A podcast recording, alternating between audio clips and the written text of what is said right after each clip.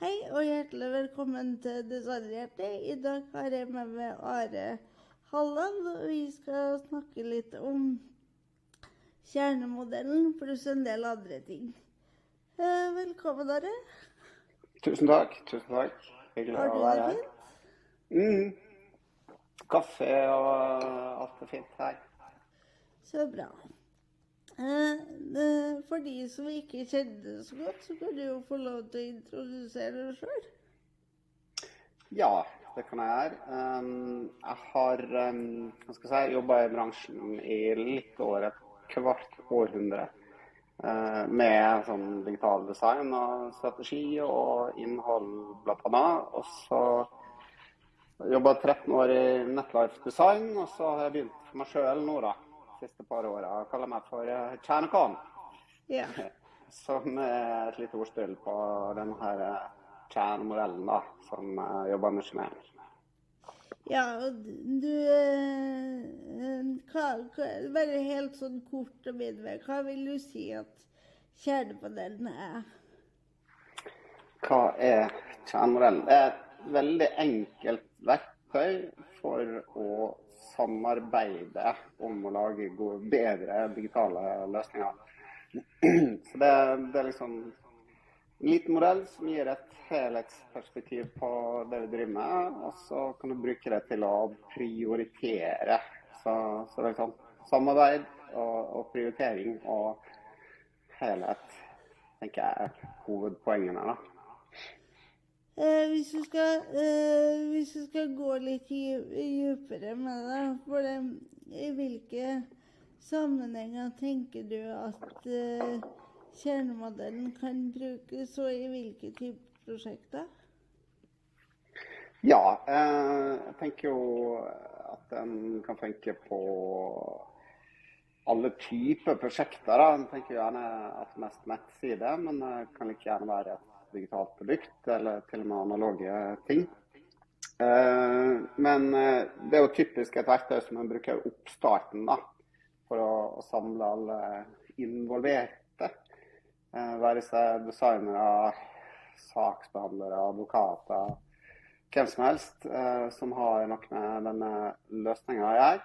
Og så bruker den til å skape en, en felles forståelse. Men det går også an å, å bruke en litt sånn underveis i prosjektene for å ja, på, ta et lite skritt tilbake og se på, på sammenhengene mellom kanaler, produkter og strategi og brukere og mange ting. Spørsmålet var i hvilke prosjekter kan du bruke kjernemodellen, hvis du skal gå litt mer i dybden på det? Ja, hvilke prosjekter? Eh, jeg tenker det funker egentlig i alle typer prosjekt. Enten det gjelder nettside eller produkt eller eh, analog. Du kan bruke det på en brosjyre eller et Facebook-innlegg. Men jeg tenker som den samarbeidsdelen av det handler jo kanskje primært om oppstarten av et eh, prosjekt. Sånn at alle som på en eller annen måte har et eller annet med, med det digitale produktet en skal gjøre, at de kan samles og ha et litt sånn felles bilde av hva vi skal lage og hvordan vi skal gå fram. Så det er liksom primært oppstart, men egentlig når som helst når en tar et lite, sånn, lite skritt tilbake og ser hva vi egentlig holder på med her, eh, og hvordan ting eh, henger sammen. Så det er liksom stoppe opp litt, se hva vi holder på med, eh, og stake ut en retning som er liksom prioritert. da. Ja, eh, hva vil eh, Hvis du skal trekke fram tre, eller eh, trekke fram et par typer prosjekter som du har jobba med, da, og der eh, kjernemodellen har blitt brukt som et slags hovedverktøy, hva vil du trekke fram da? Ja, eh, nå, nå jobber jeg jo egentlig mm, Jeg jobber med um, fasilitering og, og prosjekt og, og kurs. Eh, men jeg har hatt et par siste prosjekter. Jeg har hatt det for eh, Psykologforeningen, der en eh, på en måte har kanskje litt siloer. Du har de som jobber med forhandling, og, og de som jobber med kurs, og de som sitter på medlemsservice. Men nettstedet skal jo på en måte samle alt dette her. Så, så det å samle disse forskjellige avdelinger i et sånt sted, og se på ok, hvem er brukeren her, hva er det vi prøver å få til, og hvordan kan vi lage noe som er, framstår helhetlig her. da. Ja, for jeg tenker jo at det er veldig lurt. Og det å se litt på helheten og det å på en måte samle flere aktører da, inn i et litt mer sånn tverrfaglig samarbeid. Mm. Uh, ser du for deg noen negative ting med den måten å samarbeide på, eller er det bare positivt? Eh, ja, det er mulig jeg er litt uh, biased, men Nei, altså det å samarbeide litt og ha en felles forståelse, det har alle opplevd at jeg har skada noe. Det, det, har jeg faktisk ikke. Nei, det, det, jeg tror det skal mye til. Men det er, jo, det er jo noen som er litt engstelige da, for å på en måte skulle samarbeide med noen som de ikke har samarbeidet med, med før, f.eks. Og som de kanskje ikke ja. har uh, kjemi med eller så mye kommunikasjon med. For det, det tar jo mm. litt tid å skape opp den, eller få den tilliten òg, tenker jeg, til å få et best mulig prosjekt. Ja, nei, du ser noe der. Det, en er jo ikke så vant til å samarbeide på tvers av siloer og sånn. Eh, men der er det noe som eh, noen prinsipper etter workshop-formatet at eh, kjerneverksted. da. Eh, og kanskje det viktigste der er det vi kaller for kjernepar. At en jobber sammen to og to på tvers av siloer og, og fagkompetanse. Eh, og det handler om å jobbe veldig, veldig konkret på dette kjernearket. da, og, og, egentlig bare sette folk i gang med å jobbe og være konkret, og ikke prate for mye. Eh, for Det er fullt mulig å prate forbi hverandre, det gjør folk hele tida. Men når en er konkret, og liksom, eh, altså blir det færre kommunikasjonslinjer, mindre støy, og da kommer folk inn i en sånn boble eh, der det er liksom tempo og framdrift hele veien. Så bruker fungerer fungere veldig godt når folk først setter seg sammen to og to, så, så er det egentlig kan være litt magisk, eh, nesten. Da, da, må de jobbe, og da blir det konkret, og da har de noe felles å, å forholde seg til. Skjønner. Um, hva vil du si at kjernemodellen har betydd for det personlig? Hvis det har betydd noe personlig? Ja, det har jo det. Uh, jeg, jeg kom jo på dette her nå i 2006. Hva det er da? 17-18 år siden. Så for min del så var det jo et litt sånn uh, Jeg jobba jo som informasjonsarkitekt i, ti år før 2006. Og da var jeg veldig sånn opptatt av svære strukturer, navigasjon og, og komplekse ting. da. Men denne kjernemodellen, det var liksom kom til meg litt som at nei, men hallo, la oss snu perspektivet. La oss begynne med innholdet, med, med kjernen. Da blir ting enklere. Da, da, kan du se disse sammenhengene i ett punkt. Eh, og så har jeg jo altså disse 13 årene i Netlife, så brukte vi jo kjernemodellen i, i veldig mange prosjekt. Og, og på en måte ser at dette her fungerer. Uh, og så har tida gått. da. Det har kommet sosiale medier, så har kommet produktutvikling. og så har det kommet masse masse greier på strategisida. Men denne kjernemodellen er liksom den, den, er liksom ti, den er tidløs. Altså Du har brukere og oppgaver og strategi, og folk må finne ting, og det må skje noe. Og det er innhold. Så, så på en måte uh, Jeg har bare innsett mer og mer at dette er tidløst. Og da tenkte jeg ja, pokker, hvis jeg lager dette her, så kan jeg jo like gjerne jobbe fulltid med det. Uh, så Det var grunnen til at jeg på en måte begynte for meg sjøl. Uh, la meg skrive den boka, la meg ta tak i dette her og, og virkelig få det ut. da. Ja, du var så vidt inne på det, men vi kjenner jo hverandre stort sett fra Deadlife. Og har vært, vært borti hverandre i en del forbindelse med kurs og sånn. Og du har, som du også sa i stad, skrevet en veldig fin bok som det går an å få kjøpt. Eh, den er foreløpig ikke på e-bok og lydbok, stemmer det? Det stemmer. Det, det, er på backloggen, som det heter. Ja. Men eh, først jeg har liksom fokus på å få ut den engelske boka nå, da. Den uh, kommer nå i, i mars-april. Det heter liksom 'Core Content'. A common sense approach to digital strategy and design. Okay. så det blir spennende å se hvordan den Eh, om det tar av, eh, vet ikke jeg. Men det er iallfall mange som bruker den internasjonalt. da. Særlig i liksom, innholdsstrategimiljøet. Og den, liksom, den, er jo enkel og tidløs og intuitiv og, og sånn. Så den, den, har på en måte spredd seg utover siden 2006. Så um, jeg bare så på folk som har lasta ned uh, malen i fjor. Og det var alt fra Indonesia til Peru og Russland. og Mange som bruker dette her. Jeg har ingen årsak, uh, egentlig. Så det er fint å få den ut på engelsk, men jeg vil absolutt ta den ut på, på lydbok og e-bok også Ja. Det, det, er jo gøy at det får så mye interesse. Uh, men hva vil du si er da Eh, største forskjellen mellom å jobbe selvstendig Altså, jeg jobber jo Jeg driver jo ikke eget firma sånn som du, men, eh, men det er jo på en måte Begge oss to jobber jo veldig selvstendig, selv om jeg er en mm. vanlig ansatt. Eh, så hva vil du si er største forskjellen mellom å jobbe i et stort byrå som Netlife er, og andre byråer òg? Og det å skulle jobbe for seg sjøl altså, mm. Hva er, hva er plussene og minusene med det, på en måte? Altså det, hva skal jeg si, det, det er kanskje litt mer personlighet å gjøre. er.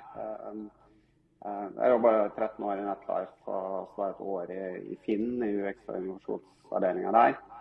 Skal jeg si, jeg er kanskje litt sånn bedre på å sette i gang ting enn å nødvendigvis eh, sånn, få det i mål. Og da passer det egentlig best å jobbe for seg sjøl, for da kan jeg komme inn fra utsida i mange forskjellige prosjekt. Og jeg kan holde kurs. og det, liksom, det står meg til min stil, da. Eh, så, men eh, sånn generelt så vil jeg jo absolutt anbefale å vurdere å starte for seg sjøl.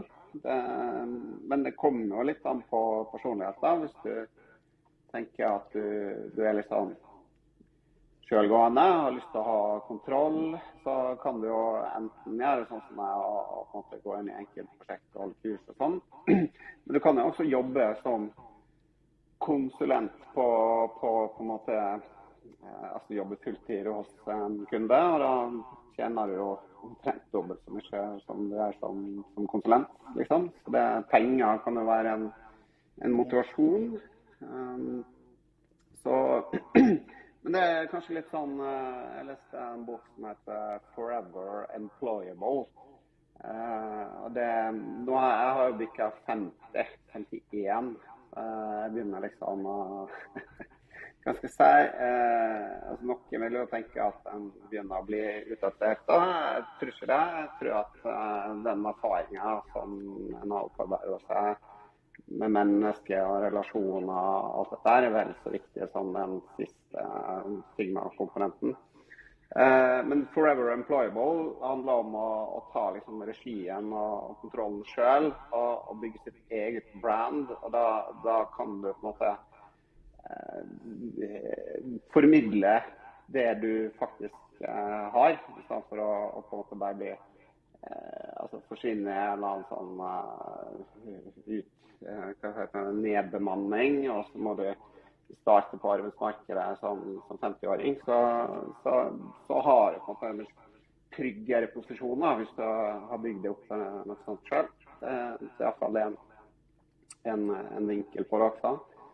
Så når en, en, begynner å få masse erfaring, eh, så, så, tenker jeg det er godt å vurdere å tenke på å kjøre sitt eget løp. Bygge merkevarer sjøl og, og, ja, være 'forever employable', da, som denne boka heter. i hvert fall. Ja, sjøl så trives jeg jo godt med å være en mann ansatt. da, og få... Nå er jeg jo litt heldig, og der er sikkert du òg, at du får lov til å velge litt eh, hvilke prosjekter som du skal ta i. Det er jo naturlig når du driver for seg sjøl. Eh, men jeg syns det er godt å ha den tryggheten da, med, å, med å være en fast ansatt. Og liksom få fastlønn og vite at du har, har en fast Ja. inntekt, og at du ikke eh, trenger Ja. å bekymre deg for økonomien, da. Det, det Ja, jeg, jeg ser den. Jeg ser den. Så, men igjen så er det litt sånn personlighet, da. Eh, Du må, det er jo en risiko. Eh, Det er det jo, og det er masse å tenke på. Alt fra regnskap, eh, markedsføring til salg til Du må liksom ha alle rollene sjøl, da. Så du må jo være litt sånn med å både ta på deg mer ansvar og større risiko og, og, og sånn. Men jeg, jeg tenker at oppsida er, er stor, og ting lar seg løse nå med fiken og regnskap. eh, kan de fleste få til. Og salg og markedsføring, eh, hvis jeg har litt sånn erfaring med det, så, så trenger ikke det å være noe problem. Men, men en risiko er det jo. Det, det er klart. Det, det må en akseptere hvis en går for dette her. Ja, det som er litt spesielt i min situasjon, er jo at jeg har en, har en redusert eh, stilling grunnet mitt handikap. Sånn at det, Mm.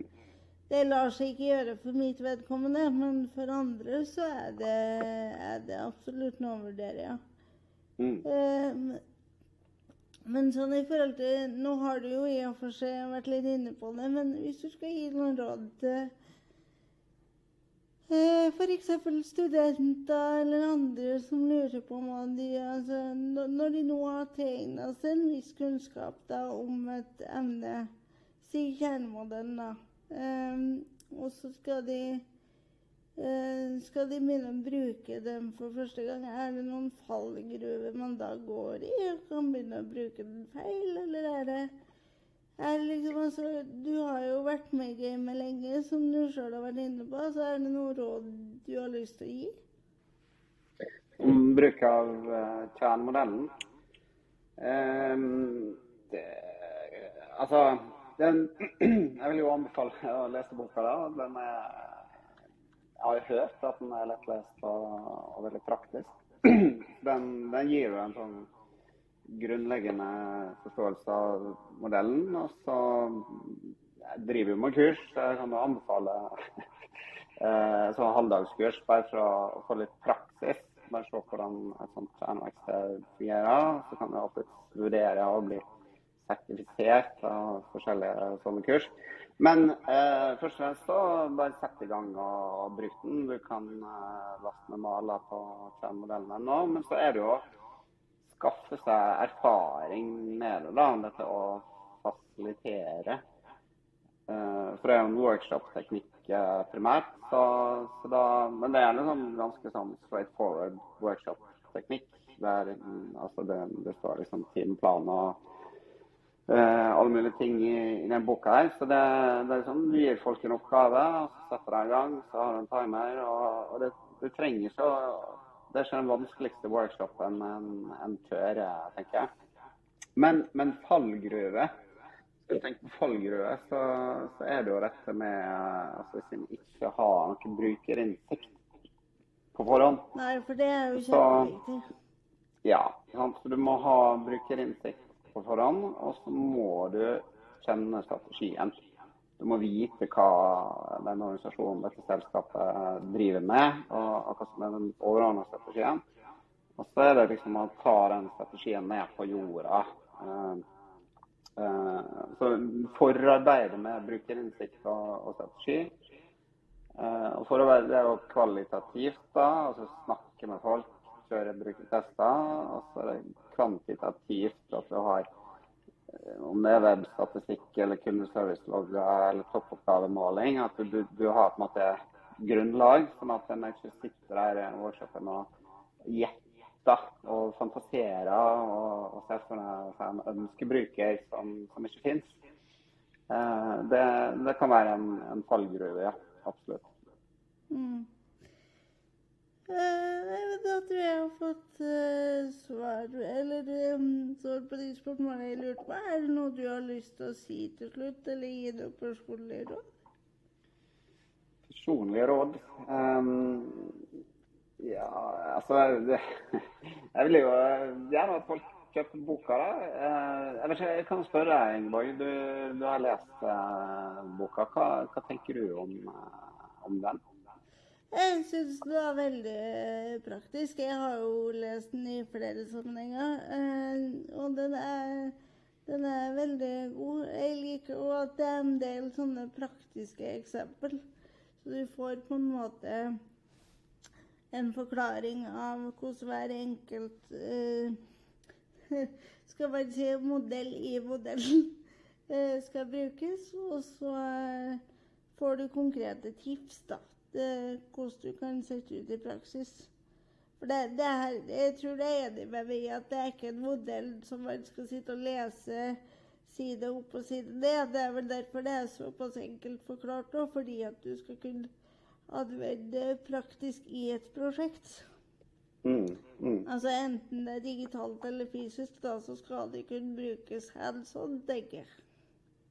Ja, det, det er en veldig praktisk eh, metode. Den jeg, var liksom, jeg tenker den er egentlig intuitiv. Altså, alle kan forstå den på, på fem minutter. Så det det handler om, er å, å bruke den. Så, så, men uh, jeg har iallfall tenkt at den boka skal være lettlest. Uh, den skal være mulig å lese ut på to timer. Uh, så kan du slå opp igjen når det er en workshop og, og i det hele tatt. Så Heldigvis så Det, det er ikke sikkert Den ble tynn, eh, men jeg holdt på å bli et trebindsverk eh, en gang. Jeg har tenkt på boka i 15 år, og, men heldigvis har jeg skrevet den sju ganger. Så. Men eh, til slutt så fikk jeg med meg kona, og hun klarte å, å skjære gjennom og gjøre enkelt. Så bare shout out til Mona en bedre halvdel som hjalp meg å få denne boka så bra som den ble. Kudos til kona, det er bra. Yes, ja, men da yes. sier jeg tusen takk for at du stilte opp. Og så eh, neste episode, da får vi se litt når det blir. Men det handler da om eh, tjenester til Ruter. Ja, spennende. Da må jeg følge med.